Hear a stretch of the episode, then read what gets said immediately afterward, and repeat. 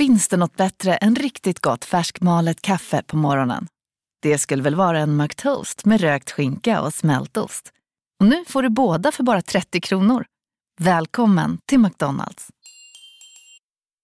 Välkommen till Unionen. Jo, jag undrar hur många semesterdagar jag har som projektanställd och vad gör jag om jag inte får något semestertillägg? Påverkar det inkomstförsäkringen? För jag har blivit varslad, till skillnad från min kollega som ofta kör härskarteknik på möten och dessutom har högre lön trots samma tjänst. Vad gör jag nu? Okej, vi tar det från början. Jobbigt på jobbet. Som medlem i Unionen kan du alltid prata med våra rådgivare. Dagens vinnarprognos från Postkodlotteriet. Postnummer 65209, klart till halvklart och chans till vinst. 41101, avtagande dimma med vinstmöjlighet i sikte. Övriga 10 500 postnummer, soligt och möjlighet att vinna. Oavsett när sommaren kommer till dig så kan du och dina grannar få dela på 48 miljoner i sommaryran. Ta chansen nu i maj på Postkodlotteriet.se. Åldersgräns 18 år. Kontakta stödlinjen om du eller någon anhörig spelar för mycket.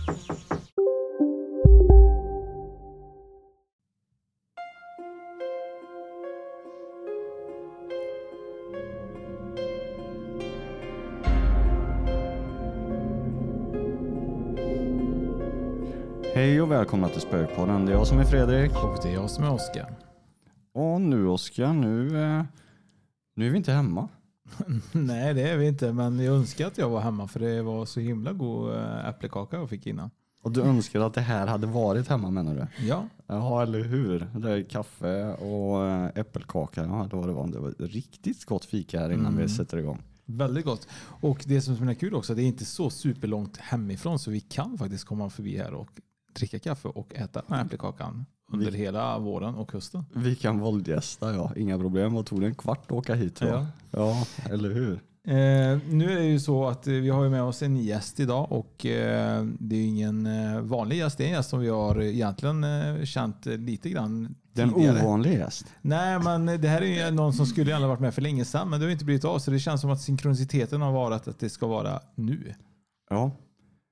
Ja det, det fanns säkert en mening med att det faktiskt skulle bli av idag. Mm, Jag tror ju det. Jag tror att det finns en mening med allt. Ja. Innan vi drar igång så ska jag berätta en sak för dig Fredrik. Att eh, jag läste någonting innan jag kom hit idag. Vet du vad jag läste? Nej? Har du någonsin, jag hade ingen aning om att, att om du ställer en gurka bakom en katt så blir den livrädd. Visste du det? Ja. Vet du varför? De har kommit fram till varför. Nej, om jag vet inte om det har med att de tror att det är en orm eller något sånt där. Fan Fredrik, du är påläst. Ja. Det hade jag ingen aning om. Nej, för, det finns ju massa sådana på Youtube. Aha. Sök på det och ja, katt och gurka eller så, så ska du få se på roliga klipp. Alltså för de, jag ska säga, och de, katter kan ju skrika, det kan de göra, men de hoppar och skuttar och det är så jävla roligt. Jag skrattar så jag gråter när jag Ja, kollar det är på så sånt. skumt. Jag hade inte ens en aning om att de var rädda för gurkor. Men nu ska jag testa det på min katt hemma. Ja, gör det. Något som är jäkla roligt också, det, det, här, det här är ju kanske djurplågeri, men jag säger det ändå. Eh, en av de första katterna som, som jag hade, inte min då, det var eh, mina barns eh, biologiska mamma. Eh, då satte, satte vi en strumpa på huvudet någon gång. På katten? Ja. Och det som händer då är att de går baklänges för att de tror att de är inne i ett mörkt rum.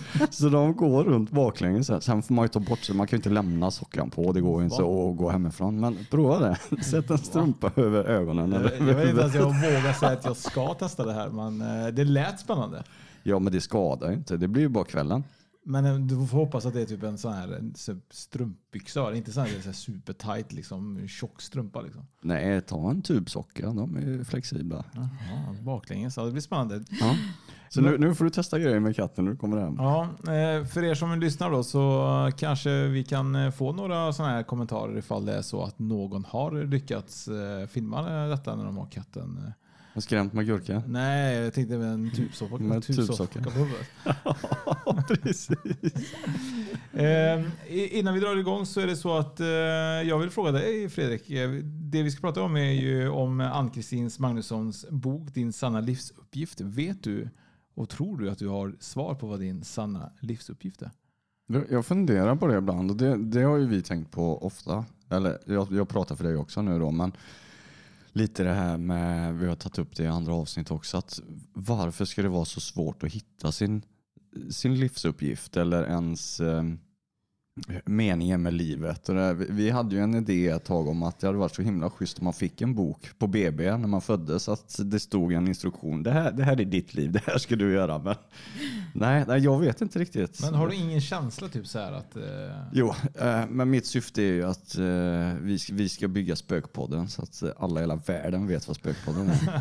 Det måste ja. ju vara det, annars hade, vi inte, annars hade du aldrig träffat. På, på tal om att vi ska bygga Spökpodden så är det faktiskt att ta i, för nu är det så att vi har ju verkligen äntligen fått med oss en, eh, en egen liten, eh, vad ska vi kalla han, manager. Vi har fått en manager. Ja, vi var på möte igår ja. faktiskt. Ja. Och eh, träff, träffade, en, träffade en, en schysst kille och han skrev på. Ja, han sålde sin själ helt enkelt. Till Spökpodden. Ja, så, att, så att han ska bygga Spökpodden framåt, det är ju det. Vi ska ju hjälpa till men vi, vi lämnar ju rätt mycket till honom. Ja, ja, nu, det är ju nu vi ska sätta oss på soffan eller? Mm, mm, det är nu han kommer in. Så eh, våran eh, manager heter ju, eh, vi har ju pratat lite grann om det här hur vi ska försvenska hans namn eller om vi ska liksom, han säger att han heter Ramin och jag säger att han inte heter Ramin. Jag säger att han heter Ramin men ja. vi, vi får hålla det till Ramin eller Ramin. Ja, jag. precis. Ramin, Ramin säger jag tror jag. Mm. Ramin säger, ja du säger också Ramin. Ja. ja han säger ju Ramin. Han Ramin. säger fel. Han säger fel. Han säger fel ja, men han vet ju inte. Han har inte varit där så länge. Nej, det blir superspännande så vi får se vad, vad vi åstadkommer framöver. Eh, jag tycker att eh, angående min livsuppgift så, så tror jag faktiskt att eh, det handlar väldigt mycket om att eh, bara vara. Att bara vara. Mm. Och Jag tror att din livsuppgift är lite att, att ta hand om de människorna som är runt omkring dig. Mm. På något vis. Mm, du är en väldigt rar kille. vi är kanske båda det. Ja. Eh, jag tycker att Ann-Kristin kanske kan förklara lite mer eh, om hennes bok. Absolut. Mm. Så vi bjuder in Ann-Kristin. Välkommen ja. till Spökpodden. Tack så mycket. Ja, nu har vi ju skojat så mycket, eller ni har skojat så mycket så nu blir det lite konstigt att börja prata om detta som jag ska prata om. Men um, jag hoppas att ni eh, piggar upp stämningen som jag vet att ni kan. Ja, men det är klart. Nej, men jag kan ju börja med, jag har alltid tänkt på vad min uppgift är. Liksom i hela mitt liv. Och um, vad gör jag här på jorden? Och det har liksom genomsyrat mig. Idag vet jag, jag varför jag är här. Och eh, det är ju så att vi befinner oss i ett uppvaknande nu på planeten. Det har ni säkert pratat om. Och det vet era lyssnare också. Men eh, det är en medvetandehöjning som sker nu. Och jag tror att vi alla har bestämt oss för att vi ska vara här nu. Vi ska vara här och hjälpa mänskligheten i, eh, i den här övergången. Annars går ju jorden under.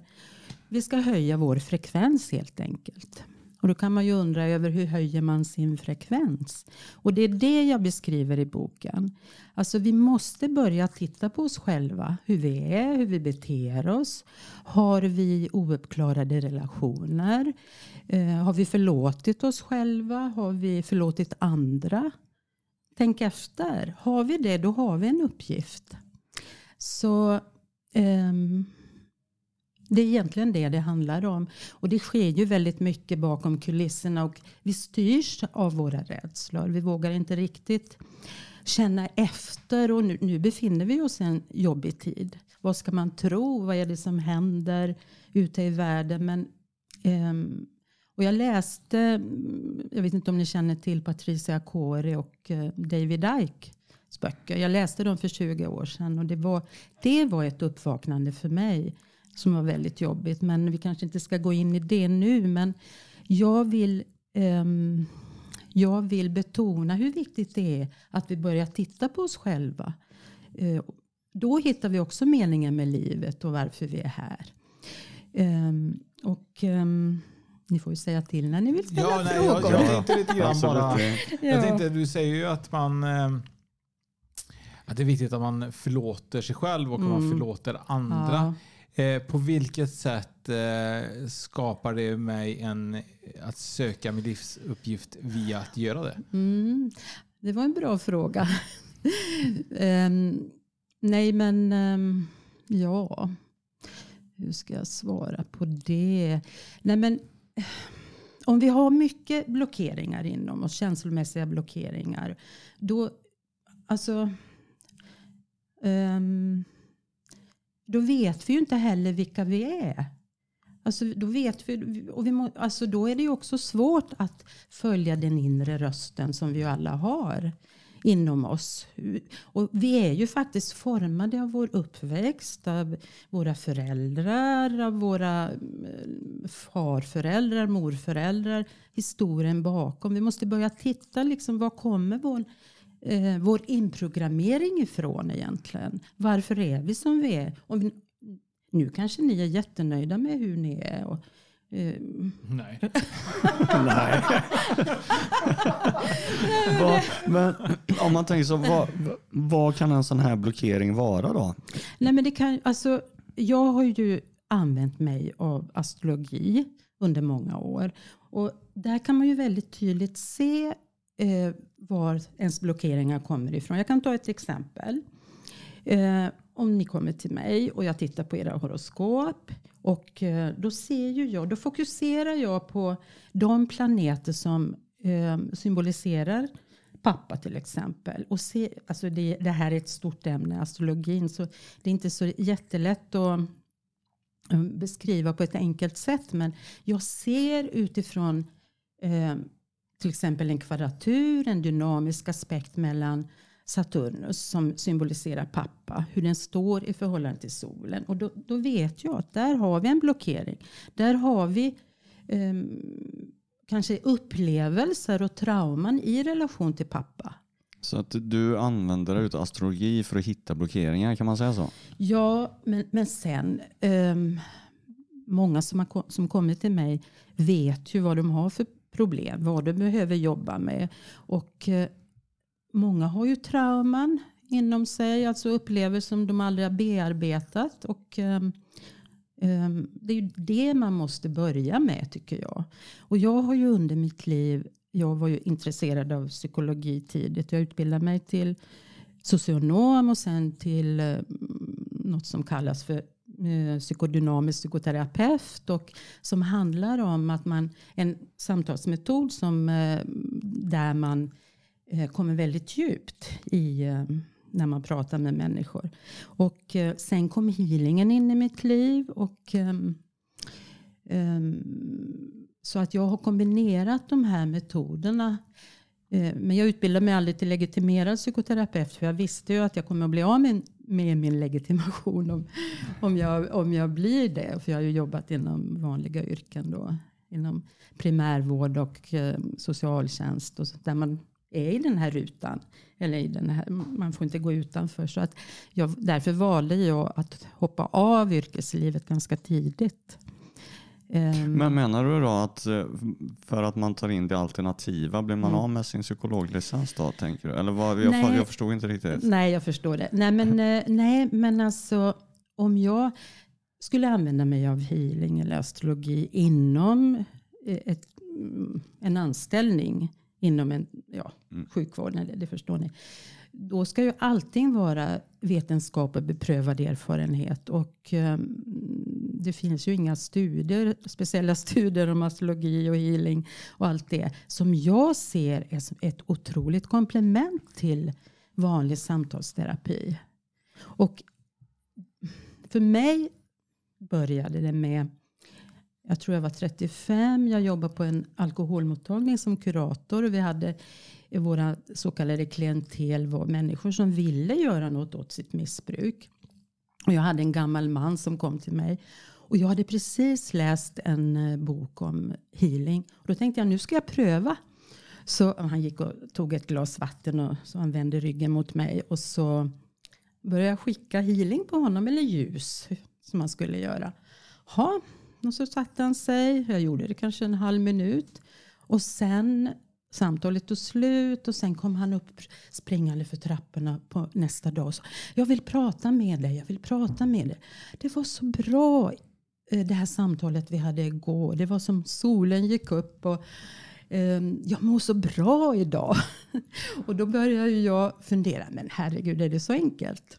Liksom att må bra. Så då började jag verkligen använda mig av ljuset. Jag använde mig av ljus under alla mina yrkesverksamma år. Alltså jag fokuserade ljus. Om du kommer till mig så tänker jag att du är fylld av ljus och bara gott händer dig. Samtidigt som jag pratade med personen i fråga. Och det hände, jag måste säga, det hände Eh, nu ska jag inte överdriva, jag tänkte säga under, men jag såg hur den här processen, eh, hur de här människorna, hur snabbt det gick att bli bra. Det här är ju ett stort ämne men, Oh ja. men, Mm. men, eh, Men det är det var så det började. också. Ja. Absolut. Så att, men då, då kan man ju sammanfatta att du, du har jobbat med, med healing Mm. och, och, och ljuset i kombination med, med det du har gjort hela tiden. Mm, Då. Ja, mm. och sen, eh, den men det här med astrologin tycker jag är superintressant Mm, också. Att, mm. men hur, hur kan man eh, se att det finns blockeringar? Då? Är, det, är det planeterna och stjärnorna, hur de, eh, konstellationen hos Mm. dem som, som bestämmer då ifall eh, jag eventuellt har en blockering med min pappa eller Ja. med min syster eller något sånt där. Då. Mm. Alltså framför allt så handlar det om det jag kan se då när jag, om jag har ja, nu, har, nu är ju inte det här film. Eller, alltså nu kan jag ju inte visa, det spelar ingen roll men jag kunde ha visat dig då. Men alltså, jag antar att ni alla har sett ett horoskop och ja, ni vet den här cirkeln. Och så är, utgår man från klockslaget när man är född och sen bildar de ju ett specie, eller speciella mönster då. Men som jag sa då så eh, om jag vill titta på, om jag tittar på ditt horoskop och så ser jag att du har en så kallad en svår aspekt mellan Saturnus som symboliserar pappa till solen. Då ser ju jag, då vet ju jag, ja här har vi, här har, den här killen ehm, t- ja, hade en jobbig upplevelse av pappa när han var liten, alltså under de allra första åren när din personlighet formades. Och då, det beror ju på hur, hur medveten du är, men jag kastar ju aldrig sanningar i ögonen på folk. Utan jag säger, ja här ser jag att det finns någonting i relation till din pappa när du var si och så gammal. Mm. Kan du applicera det till ditt liv? Och, ja, jag kommer inte ihåg något. Eller ja, kanske personen säger. Men, och, så, och samma med mamma. Ja, ja, precis. Ja. Så att, nej, nej, men det, det är klart att så, man behöver ju inte alltid vara medveten om sina blockeringar Nej. heller förrän kanske någon, eh, precis som du säger, att eh, eventuellt så kanske det hände någonting Mm. när du var liten. Är det Ja. någonting som du kan komma ihåg eller känna igen? Ja, det så. absolut. Men apropå det här med livsuppgiften så är det vissa eh, symboler i horoskopet som man kan se vad man har för livsuppgift. Nu kan jag inte säga att ni ska ha en podd eller det handlar ju inte om det men man kan se i stora drag vad det handlar om och då tittar man på något som heter MC som är längst, alltså stod högst upp på himlen i födelseögonblicket som handlar om som jag ser det, jag vet att eh, olika astrologer har olika tolkningar men för mig handlar det själva syftet med din existens. Varför du är här. Och även då de aspekter som eh, den här MC-punkten bildar till andra planeter. Och sen eh, eh, är det ju också viktigt att se vad man har sin ascendent. För, det, för mig symboliserar det ens själ. Vad själen vill uttrycka. Solen, alltså om du är, nu vet jag inte vad ni är födda i, men om du är Jag är våg. Ja, okej. Det är oktober slutet. Ja. Om du är våg då har du ju solen i vågens tecken och då, det är ju ditt ego och det som, alltså, ja som vågen, allt det du har ju läst säkert om vad vågen symboliserar, eller vad vågen står för. Men Ja, lite det, grann. det som är viktigt, jag förstår att du är våg, jag bara Okej. känner det. Ja, det är ditt ego ändå. Ja, det är riktigt Nej. egoboost. Nej men du är en igångsättare och du, jag tror att du väger för och emot och du är, ja, du ser fi, bra ut. Jag tycker att våga se bra ut. Nej nu generaliserar jag förstås. Men, men ehm, eh, det som är det mest intressanta det är vad du har din ascendent. Och det, för det visar, det visar delvis vad det är din själ vill uttrycka. Mm. Alltså Jag, i livet. jag tror att vi får komma tillbaka en dag och så får vi ta med oss våra horoskop eller på. Mm. Men du får, eh, du, det hade varit så himla spännande om du hade kunnat ställt det här på, Ja. på mig och Oskar så hade vi Mm. kunnat göra någonting utav det. För det, det här är så intressant Ja. med astrologi tycker jag. Jag är så fascinerad av det. Jag kan ingenting om det känns det som. Nej. Men det är så spännande. Men då kan, jag, då kan jag också föreslå en annan sak som vi kan göra. Vi kan göra en synastri mellan er. Alltså det man betyder det? jämför hur ni passar ihop. Eller om ni nu kanske vill jämföra med din fru kanske. Eller? Nej, men det, är- det är ju Oskar nu. Så att, Ja, det är eh, Oskar. Nej, men då ser man vad ni har era svårigheter. Alltså det är superintressant. Jag har gjort många sådana åt par. Och så då ser man precis vad man har, vad man behöver. Ja, där vad vi får- behöver jobba med Ja. som, som eh, Podd. par. Precis. Poddpar. Jag, jag tänker lite grann så här Ja. att din sanna livsuppgift känns ju, alltså, det känns ju ganska stort egentligen. Ja. Det är ett ganska stort begrepp och man kan bli lite rädd för att man inte Ja. finner den. Ja. Kan det vara så ibland att en sann livsuppgift kan vara bara något superenkelt för någon dig, som är dig nära? Eller måste det vara typ så här att jag ska liksom erövra världen och eh, typ, Mm. eh, förstår du vad jag menar? Ja, jo, men det är en jättebra fråga. För att eh, Ehm, jag har ju som sagt tänkt på det här hela livet. Och jag, beskriver, jag berättar om min pappa där i boken och lite om min mamma. Och, eh, min mamma ville väldigt gärna utbilda sig. Men då träffade hon pappa och hon hade inte den stöttning hon behövde. Och hon tjatade, ja men jag ville ju bli lärarinna och, och ha ett yrke. Och så tittade jag i hennes horoskop. Då såg jag att hon hade Saturnus i femte huset. Och då såg ja men mamma du skulle ju ta hand om oss. Fyra barn. Och, liksom, och då blev hon jättelugn och glad. Men, eh, eh, nej men det är som du säger att naturligtvis. Det du- du kanske ska utveckla din ödmjukhet. Eller eh, ja, det kan handla om vad som helst egentligen. Men just om man ska se det stora hela så tror jag att vi just i den här tidseran är här för att ja, ni gör er grej. Det här är ju en jätteviktig grej som ni gör. Ni väcker ju människor genom att ni har den här podden och pratar, pratar så, mm, eh, ja, är så öppna om, det, om eh, allt det så kallade övernaturliga och alternativa. Mm. Och det var det som var så spännande. Att vi fick ju, det var ju någon som hade taggat oss av så här inspirerande personer. Det var ju Spökpodden med och så var det tror jag han Ike och så var det liksom eh, Mikael Oddane och lite sånt. Och det är ändå ganska stora namn inom det alternativa som ändå upp, ett uppvaknande Mm. i Sverige. Och det, jag, jag, jag har ju sagt det här tidigare, alltså för mig var det typ så här, shit, är vi med där? Och det är super, Ja. superkul. Okej. Så, Ja. att, eh, så jag menar, det är som du säger, vår sanna livsuppgift kanske är podden, eller det vet man ju inte. Ja. Men, men, men jag måste ju förlåt, börja förlåta folk tror jag. Det är lite det jag tror att jag har fastnat. Jag måste nog börja förlåta. Är du långsint? Absolut inte, jag är tvärtom. Jag släpper sakerna. Men vem jag, ska du förlåta då om du inte är långsint och släpper saker? Nej, alltså det, jag, nej, men oftast behöver man inte vara långsint. Problematiken kan ju vara typ att du kanske släpper någonting som du borde inte ha släppt. Mm. Att du bara låter, du går ju Ja, vidare. du, och du, så, du jag, tar inte tag i det utan du bara... Nå, jag, det det är nog mer typ att jag tänker typ vad, du kan då inte skada mig så jag släpper personerna. Och så går jag vidare så får de vara där. Mm. Men samtidigt så kan det ju vara så typ att det har ju ändå fått mig att växa som person. Vad jag kan lita på och inte lita på och hur Ja. jag ska gå till väg, väga. Så det har varit en vägledning och det har varit en erfarenhet och jag har lärt mig mycket av det. Ja. Men samtidigt så måste jag nog kanske det så här, våga svara på det meddelandet den personen skickade mig.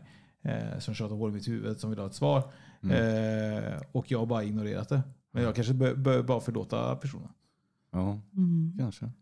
Ja. Men var det så Ann-Kristin att din sanna livsuppgift var att skriva den här boken? Ja, ehm, jag har skrivit en bok tidigare också men det var Mm. 20 år sedan så det behöver vi inte gå in i. Men, ehm, nej, att skriva är min grej och det ser jag ju i mitt horoskop också. Men även att prata.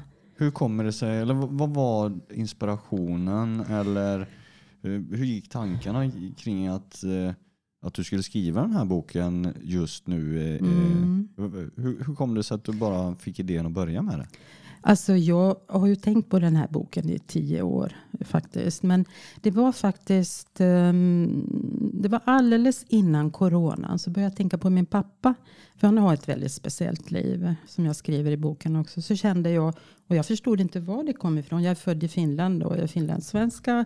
Och eh, eh, min pappa var med i kriget. Och så tänkte jag, varje sommar vi har åkt till, dit så har han pratat om upplevelsen han hade i kriget. Sen vi, vi blev vuxna då. Han berättade ju ingenting när vi var små. Och då tänkte jag, men herregud, tänk vad han har gjort. För att, och så kände jag, nej men jag bokade en flygbiljett och så flög jag dit. Och så, han hade ju pratat men det hade ju gått in genom ena örat och ut genom andra. Och så när vi när jag kommer dit så satte vi oss och pratade en vecka och jag spelade in och jag skrev. Och, och jag, alltså det var helt fantastiskt när jag såg hans astrologiska karta. Han är 99 nu. Oj. Så, jag, så jag, jag förstod att han hade fullföljt sin livsuppgift. Så det var nog därför jag kände att jag ville skriva den här boken. Framför allt om hans liv och påvisa hur allting är förutbestämt. Um, um, och det, det, ser jag ju nu med facit i hand när det gäller hans liv. Så att om ni inte läser något annat än det avsnittet så, så läs det. läs bara det. Ja, men, men, jag tror, Men- förlåt. Ja. Jag, jag tänkte bara enkelt fråga. Eh, tanke på att oftast kan man ju söka sin livsuppgift då. Eh, det kan det vara så ibland att du har inte hittat den på grund av alltså, att synkroniciteten inte har hänt. För du skriver om synkronicitet i, ditt, Mm. i din bok. Och jag tänker ibland, jag kanske har sökt min livsuppgift i, tills jag är 35 men det händer ingenting förrän jag är 35 och just den dagen ändrar allting just på dagen Mm. och då hittar jag min livsuppgift. Kan det vara så? Jo, det tror jag. Och, eh, jag har ju pratat en del med Terry då som jag eh, inför hans avsnitt i boken. Och han har verkligen lärt mig en sak och det är att ingenting händer när inte tiden är mogen. Alltså, det, alltså vi kan inte forcera fram någonting. Och det var ju samma med min bok. Jag ville skriva den i under tio år men nej, det går inte. Det stämmer inte. Så plötsligt händer det. Och det såg jag ju också på himlavalvet. Det är en samtidighet. När, när någonting händer inom mig så ser vi det på himlen. Så att det kommer. Det som du längtar efter. Om du verkligen vill hitta varför du är här på jorden. Alltså du bara vila i att det kommer och så gör du det du känner du mår bra av.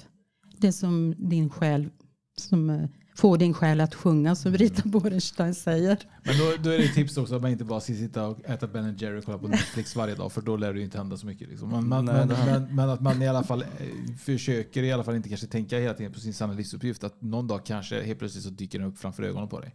Kan det vara så? Alltså jag tror att vi ska vara öppna, precis som jag skriver om i boken, för synkroniciteten. När, ja, men det, hän- när det händer saker och du känner att wow, det där liksom väcker någonting inom mig. Då är det ju något viktigt. Då, då, då är, är det ju din själ som talar igenom dig. Så att ehm, vad, det kommer. Och, och under tiden så gör du det du gör. Och jag, jag antar att du tycker om det du gör. nu. Ja, ja absolut. Jag tycker det är jättekul att äta Ja. kakor och dricka kaffe. Det är fantastiskt.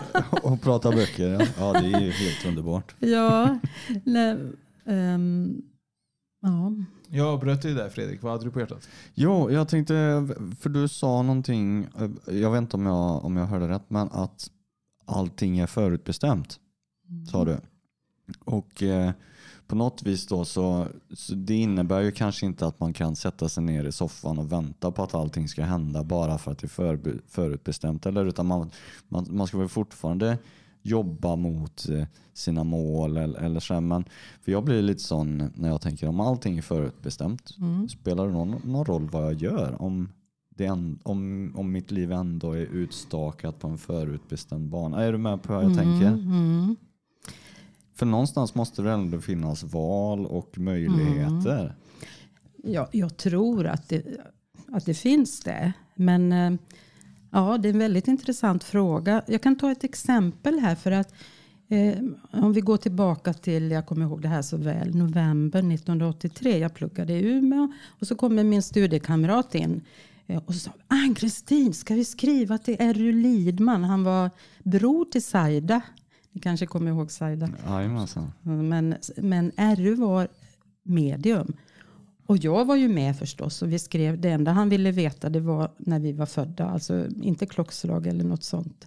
Som man behöver i astrologin. Och så kom det ett brev eller en kassett efter en vecka. Och jag öppnade den och lyssnade och fick hela mitt liv serverat.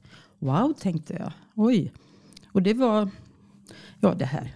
Och nästa år i augusti kommer du träffa en man som kommer betyda mycket för dig. Och det traditionella. Ja, men det gjorde jag ju. Och han, han till och med beskrev hur han såg ut och eh, vi skulle flytta långt söderut.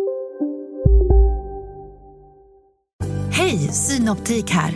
Visste du att solens UV-strålar kan vara skadliga och åldra dina ögon i förtid? Kom in till oss så hjälper vi dig att hitta rätt solglasögon som skyddar dina ögon. Välkommen till Synoptik. Upptäck hyllade XPeng G9 och P7 hos Bilia. Våra produktspecialister hjälper dig att hitta rätt modell för just dig. Boka din provkörning på bilia.se xpeng redan idag. Välkommen till Bilia, din specialist på XPeng. Nej. Dåliga vibrationer är att gå utan byxor till jobbet. Bra vibrationer är när du inser att mobilen är i bröstfickan. Få bra vibrationer med Vimla. Mobiloperatören med Sveriges nöjdaste kunder enligt SKI. Och han pluggade också, men han var klar och han ville hit. Han var från Göteborg. Det är inte den här mannen då, utan min exman. Och det är och så många barn och du ska, du ska möta många djuptänkande människor i ditt liv och du ska jobba med det. Och du ska vara gift vid två tillfällen och så vidare. Och jag tänkte ju inte så mycket på det då när jag gifte mig första gången. Jag, med, det var ju, jag tänkte inte på att jag skulle gifta mig en gång till då. Men det har funnits i mitt bakhuvud. Alltså det, allting har stämt. Det är ganska otroligt. Har du kvar det här kassettbandet? Ja, jag har det. Vad spännande. men, men jag tänkte lite grann som en sån här metafor på din, på din så här, eh, fråga. Jag tänkte jag typ så här att om man tänker egentligen, vi pratar ju lite grann, nu bor de ju ganska nära en golfbana här i Vänersborg och hennes man eh, spelar ju golf och du har ju spelat lite golf. Mm. Men jag tror lite grann det är lite så här, när du står där och slår ut den här bollen. När du träffar den så kan den ju gå liksom var som helst oftast om du inte är superduktig på att spela för du inte vet vad riktigt hur du spelar. Men skjuter den utanför så kan du alltid ändå fortsätta sikta mot målet. Förr eller senare kommer du ändå komma fram. Så jag tror lite grann typ så här att även om det är hinder på vägen så är det ändå målet du ska fokusera på. Och i den vevan får du säkert också träffa rätt personer som kanske hjälper till din livsuppgift. Liksom. Mm. Och till mål, och till hålet, och till plocka upp flaggan. Och vi har ju Ramin nu som gör det. Det är våran Ja. caddy. Det är våran caddy, ja, precis. Det är han som hämtar bollen varje gång det jag tror- fel. Ja, precis. Men man Kommer han tillbaka så här, med den, Man får vi ser alltid på målet, men hur man når dit är Mm. inte alltid liksom, det, det kan ju hända på så många olika vägar. Men målet är ju ändå liksom det primära. primära. Ja, jag vet inte om jag håller med riktigt. för att... Kan vi pausa där eller? Nej, nej, nej. nej. nej, men, nej men du, eh, Oskar, jag, jag tänker så här. Fredrik var det som sa det. Nej. Nej men alltså, ja men okej, målet är väl viktigt. Men jag tycker att det är upplevelserna på vägen. Allt det som händer och som, alltså vi är ju här på en själslig resa. Vi, vi ska lära oss av allt vi går igenom. Och ehm, så det, för mig är det det. Ja, det på något vis är det, jag är, jag är lite med på det som du säger där. Att, Men jag har ju att, aldrig att sagt, jag har ju aldrig sagt att resan till målet inte ska vara spännande. Nej, jag vet men- Jag sa ju men bara typ det- att man det- ska ju du sikta sa- mot målet fortfarande. Du sa det som en paradox sa du. Ja, men, det var bara ja, en det är hypotetisk metafor, för Det är tanke. så här, typ att man ska ju, om du har ett mål i livet så innebär det ju liksom så här, oftast kan det vara många som tänker, oftast kan det vara så här, nu ska jag tänka på min företags, företagssida som jag tänker. Många människor fastnar i tänket att hur ska jag göra någonting? Mm. Jag har ett mål att göra detta och många fastnar där för att man vet inte hur.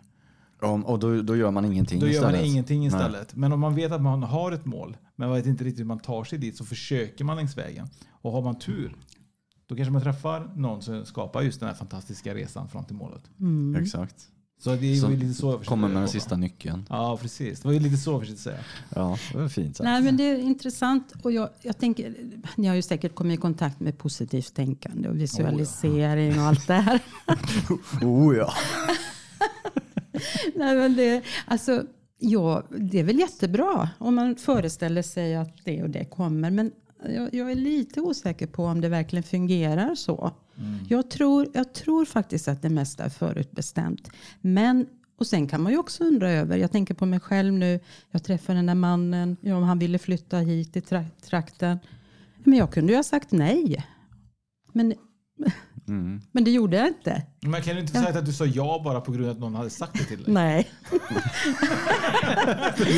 det här förhållandet är en bluff. Exakt, jag fick ett kassettband 1983 och där sa de att jag skulle flytta så jag kan inte säga nej nu.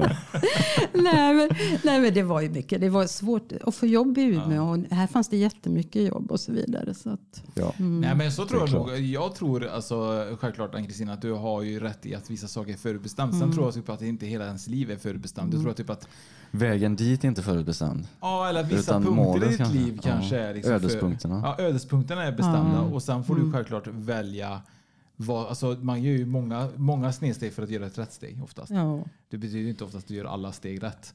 Men, Så att, eh, men sen är det ju så också inom astrologin. Alltså du kan ju se, alltså när man tolkar ett personligt horoskop, det kan man ju tolka, olika astrologer tolkar lite olika. Men när det gäller transiter, progressioner och liknande, alltså när man tittar på hur står planeterna just nu i förhållande till min födelsekarta. Det kommer man aldrig ifrån.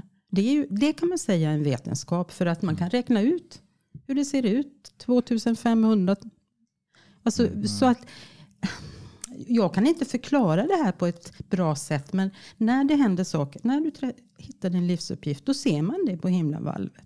Mm. Eller vice versa. Det är en samtidighet. Jag tycker fortfarande att det är så stort begrepp. Ja. För livsuppgift, kan, vad kan vara livsuppgift? Alltså för mig är det typ så här, att hitta rätt partner, är det en livsuppgift? Är det, är liksom, är det bara typ en livsuppgift att jag hittar mig själv? Alltså, Mm. vad är livsuppgiften?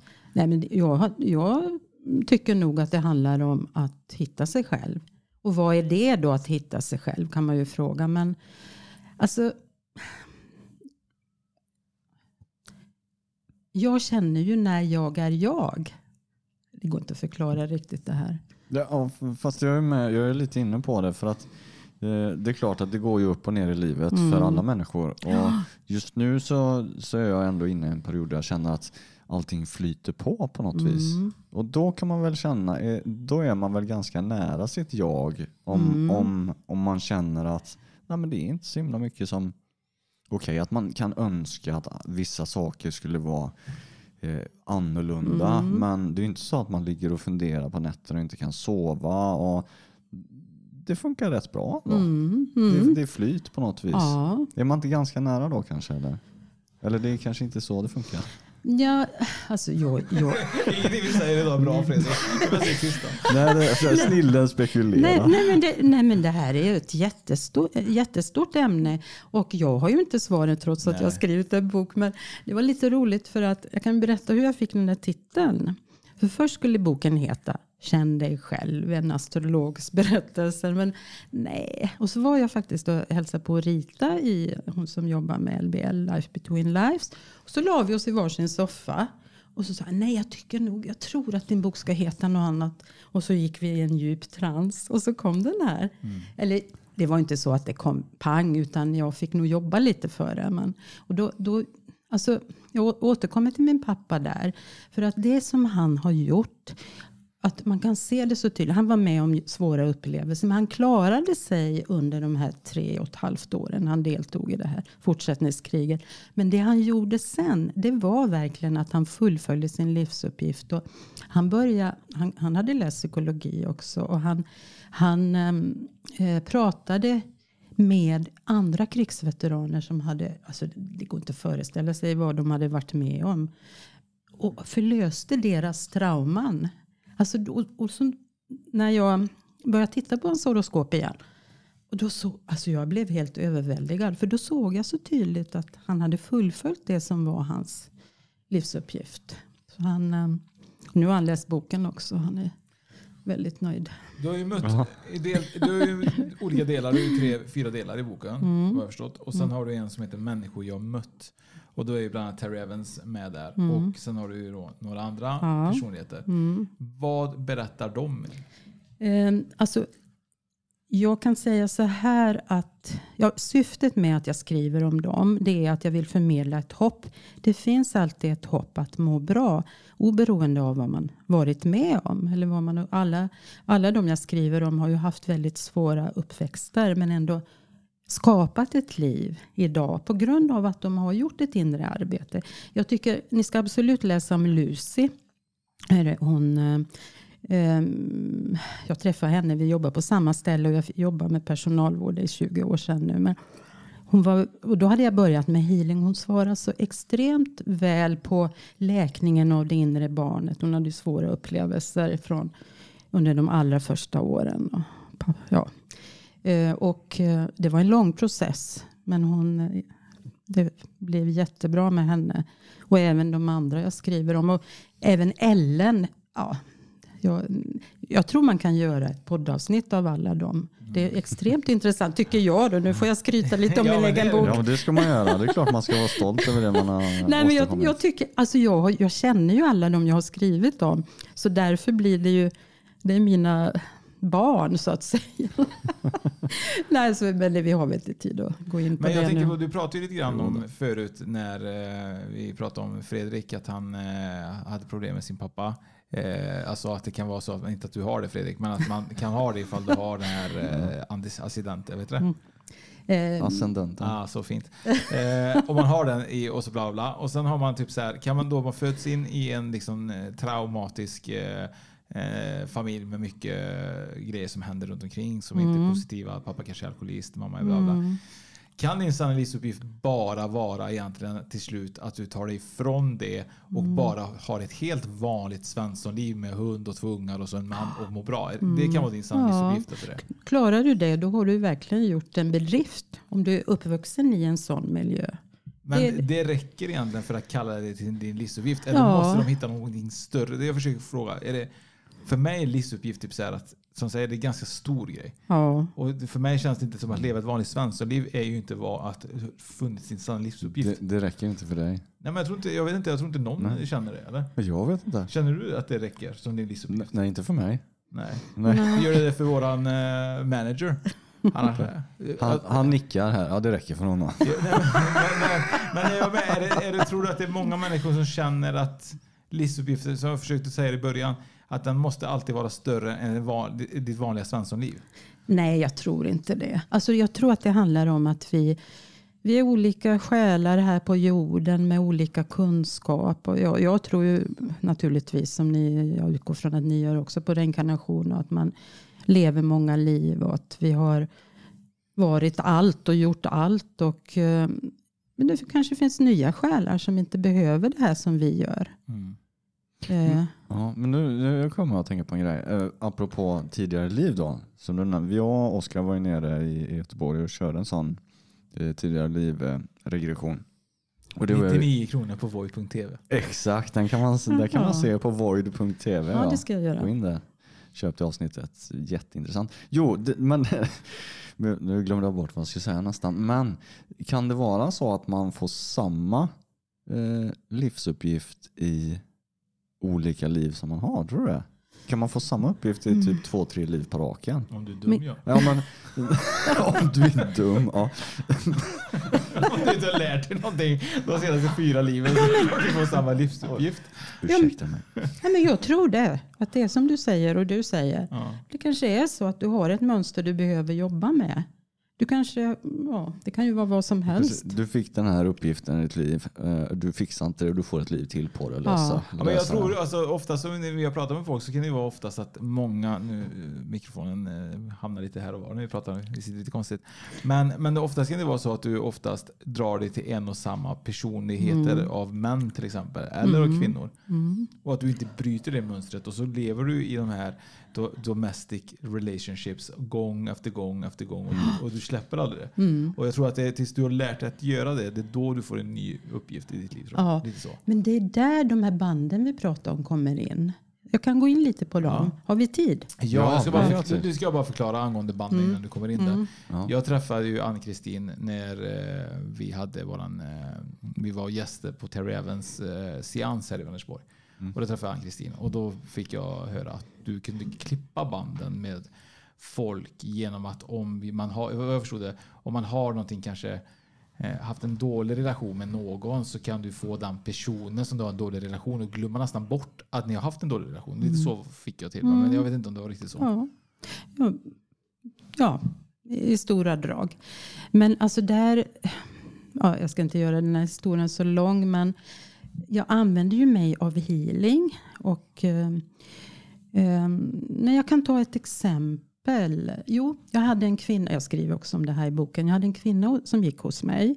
Nu ändrar jag lite så att man inte ska känna igen henne. Men eh, hon kom till mig en dag och hon var alltid stressad när hon kom. Så hon fick göra en avslappning eh, i en sån där en stol som hon kunde lägga sig i nästan. Och så bara för att hon kunde fokusera, lättare fokusera på vad som var i prioritet då. Och så säger hon, ja men jag är så orolig för, över min son. För han är ja, si och så gammal och han har inte träffat någon tjej än. Och, ja, men, kan du berätta lite om er relation? frågade jag. Hon var ju avslappnad så hon berättade väldigt tydligt. Och jag fick en känsla av att hon hade sån kontroll på honom. De var, att hon ja, verkligen kontrollera honom. Och så, men vill du klippa banden? Och hon tyckte inte det var något konstigt. Och då blundade hon och så föreställde, föreställde hon sig att hon hade en sax i handen. Och så, åh herregud, sa hon. Gud, jag har alldeles tilltrasslade band runt mellan oss och runt omkring oss. Och hon klippte och klippte och klippte. Och jag skickade healing på henne. Liksom, och energi och ljus. Och så gick det några minuter nu är det klart. Så. Och så kände hon sig väldigt befriad. Oj, det här var ju jätteskönt. Ja, så gick det tre veckor. Hon gick var tredje vecka hos mig. Och så kommer hon in. Men vet du vad som har hänt? Min son har träffat en tjej. Och han är jättekär. Och jag kom på att jag har inte ens eh, pra jag har pratat med honom en gång. Sen, vi, sen jag var här. Hon brukar ju ringa nästan varje dag till honom. Ja, och så, så gick det några år och så vi avslutade kontakten så träffade jag henne på stan och hon hade ett tvillingpar med sig och två små barn. Och så hon ville absolut prata med mig och så berättade hon att samma dag som eh, vi hade klippt banden så hade han åkt på någon resa till Stockholm med jobbet. Och vem sitter in till honom på tåget? Jo, hans blivande fru. Så var, mamma, var hon som stod för allt trassel då? Eller? Ja, alltså jag tror att hon hade, vad ska jag säga, ja, enda barnet och kontrollerade honom och så vidare. Alltså det här var ju, ja, så det var egentligen navelsträngen hon klippte av där? Ja. ja. Men det var lite kul att det liksom, ja, Men kan vi göra likadant ja. Eh, med eh, vem som helst och bara hitta liksom en blivande fru till? Jag tänkte vår manager, han eh, kanske behöver en blivande fru. Vi behöver två i teamet. Precis.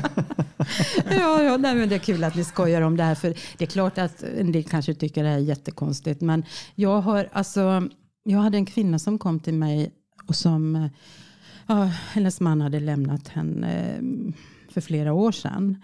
Och hon ville fortfarande ha tillbaka honom. Men han, var ju, han bodde ju med den här kvinnan nu. Ha. Och så sa jag, men vill du klippa banden? Och för hon ältade och pratade. Och så gjorde vi det. Och så, ja, kommer inte exakt ihåg, vi jobbar säkert med andra saker också. Och sen eh, fick jag ett mail från henne efter ett par veckor. Hon tänkte aldrig på honom mer. Så att det, nej men alltså, det är väl inte så konstigt. Det är ju, allt går att göra med energi helt enkelt. Och när vi pratar om tidigare liv så har ju jag märkt att um, alltså man, ofta så har vi, alltså när vi pratar om band så handlar det inte om kärleksband. Alltså de kan man ju inte klippa och vi behöver ju varann. Men när man har, alltså om du är i en relation som du inte tar dig ur. Alltså då, är det ju, då behöver vi ju lösa det. Lösa upp det negativa. Och då, jag, jag vet inte om andra kan göra det som jobbar med healing. Men jag, för mig funkar det jättebra. Att klippa. Och det, det, gör också att man börjar bli medveten om det. Förlöser liksom. Man är inne i ett status quo. Oj.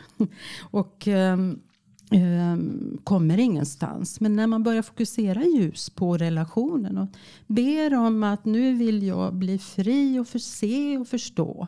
Mm. Då börjar det hända saker. Men även alltså, har man gått över på andra sidan. Man kanske har ouppklarade relationer med, med anhöriga som har gått över. Så kan man också.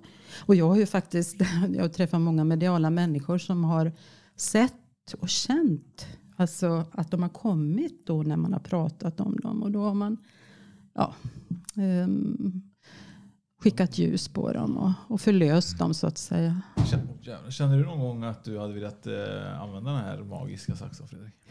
Magiska saxen. Eh, nej, det kan jag inte påstå. Inte, inte så här eh, på rak arm.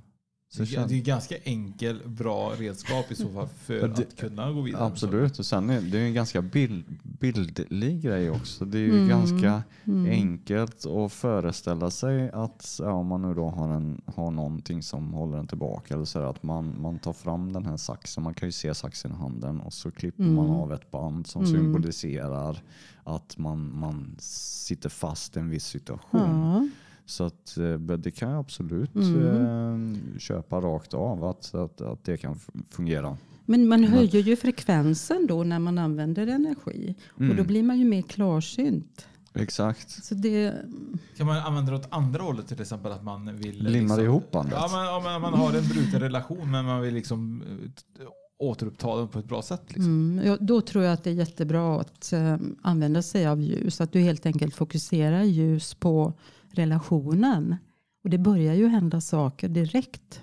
Känner jag. jag har så många exempel liksom, under mitt eget liv där jag har gjort så här. Och, mm, jag hade en chef som var hon lever inte nu så jag kan prata om henne. Nej, det är inga. Jag, skrattar också.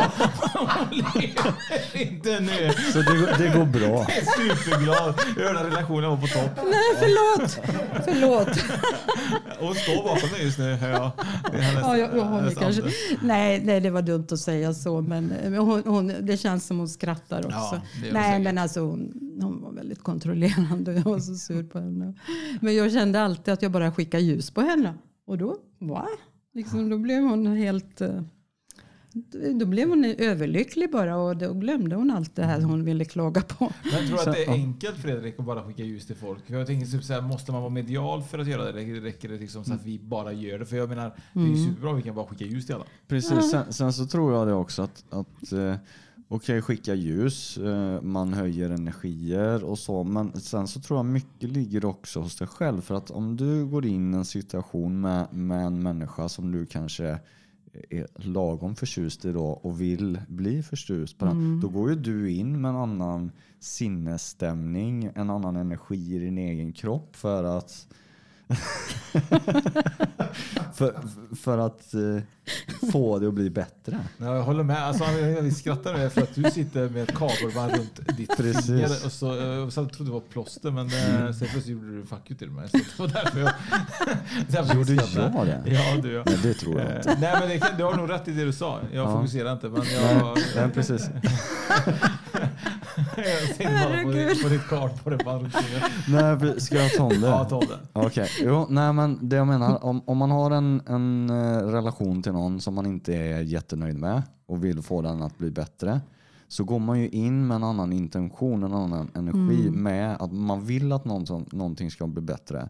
Och sen om man det eh, om man kallar det för att skicka ljus eller ge healing Mm. eller på något vis så blir det väl samma sak men man, man, man behöver kanske inte säga att Nej, men nu skickar jag ljus på den här situationen utan går man in i situationen och vill att det ska bli bättre då har ju du en annan hållning, du har en annan energi, du har en, kanske en annan ett bättre tålamod till den personen för att du vill att relationen ska bli bättre. Mm. Men om vi då egentligen eh, tänker lite grann så här då att vi som då inte vill eh, avancera så, så vill bara skicka ljus. Är det bara att titta på personen och bara se ett vitt ljus?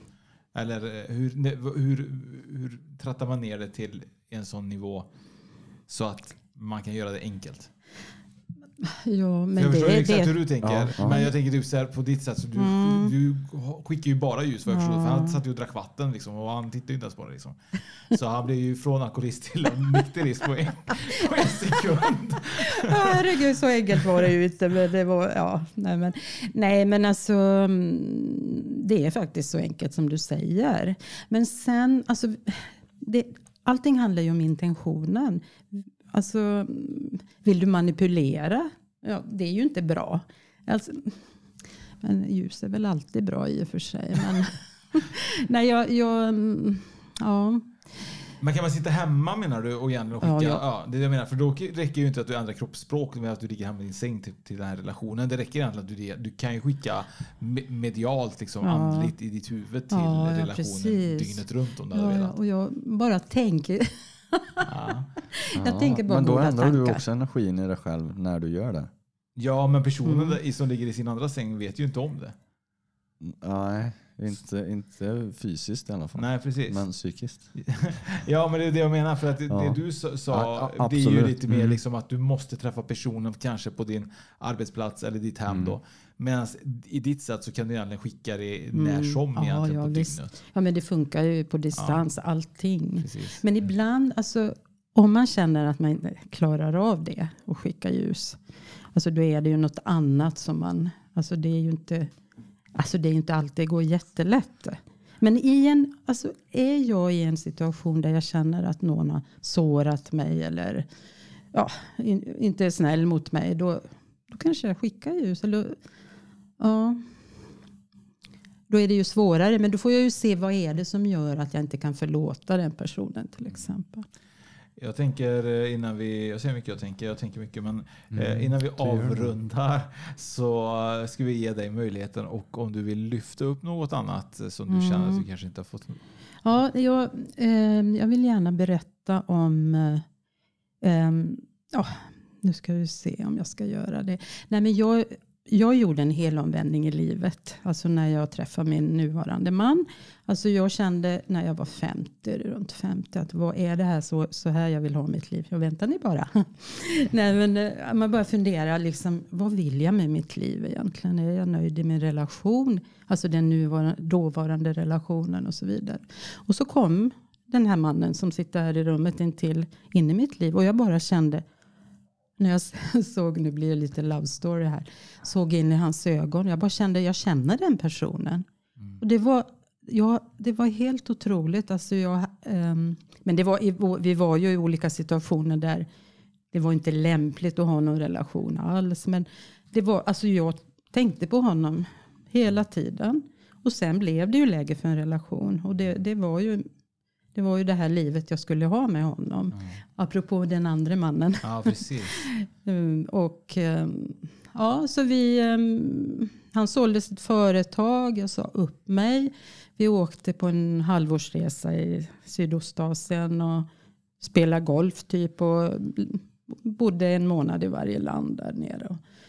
Och, och sen kände vi att vi ville göra något annat så då flyttade vi till Frankrike och på den vägen är det. Vi flyttade hem sen när vi har tre barn var de började få barn här för några år sedan. Så på den vägen är det och nu gör jag bara det jag vill. Och jag skriver också om i boken hur jag eh, redan när jag var i livmodern så att säga så upplevde jag min mammas tankar och liksom, det skapade ett mönster där jag inte bejakade mina egna behov och känslor. Men då tänkte jag nu är det dags när jag har fyllt, eller 50 plus var jag då, när vi träffades. Mm. Lite över 50 kanske. Ja, Så det var, och så kan man göra faktiskt. Ja, och, och det här eh, tycker jag att... eh, Ja, jag är ju snart 50. Ja, ja, ja, Kan vi göra en helomvändning då?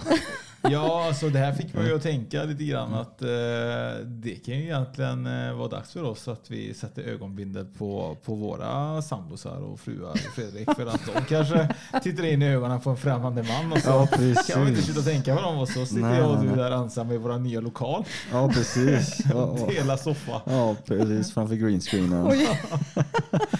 Nej gud, vad, vad, vad, nu satte jag griller i huvudet Nej, ju bra. Självklart Ni är inte. säkert Allt är lyckliga. som det ska. Det är ju meningen. Allt har ju sin mening. Ja, precis. Allt, Ja. allt händer av en mening, ja. Absolut. Och jag glömde förresten Fredrik att eh, vi hade ju med oss Ann-Kristin här som sagt och då blir det så att vi har ju hennes böcker, Min sanna livsuppgift som vi kommer lotta ut. Inte din. Du sa min sanna livsuppgift. Ja, men, är din sanna livsuppgift. Absolut. ja, men jag tänkte mest min eller din, det spelar ingen roll. Eh, Det är en fantastisk bok av eh, Ann-Kristin Magnusson som heter Din sanna livsuppgift och den lottar vi ut tre stycken eh, signerade böcker på fredag, dagen efter avsnittet. Som Det gör vi. Så lycka till med utlottningen. Ja Fredrik, eh, vi tittar på varandra och eh, nu är det så att den här eh, dagen börjar närma sig ett slut och vi får tacka vår fina gäst Ann-Kristin Magnusson. Det gör vi. Tack så mycket.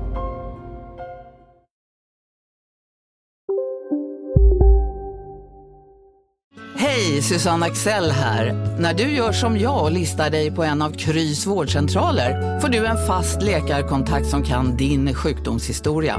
Du får träffa erfarna specialister, tillgång till lättakuten och så kan du chatta med vårdpersonalen. Så gör ditt viktigaste val idag, lista dig hos Kry. Kolla menyn. Vadå? Kan det stämma? 12 köttbullar med mos för 32 spänn. Mm. Otroligt! Då får det bli efterrätt också. Lätt! Onsdagar är happy days på IKEA. Fram till 31 maj äter du som är eller blir IKEA Family-medlem alla varmrätter till halva priset. Vi ses i restaurangen på IKEA. Nu ska du få höra från butikscheferna i våra 200 varuhus i Norden. Samtidigt. Hej! Tack. Jo, för att med så många varuhus kan vi köpa kvalitetsvaror i jättevolymer. Det blir billigare så. Byggmax. Var smart. Handla billigt.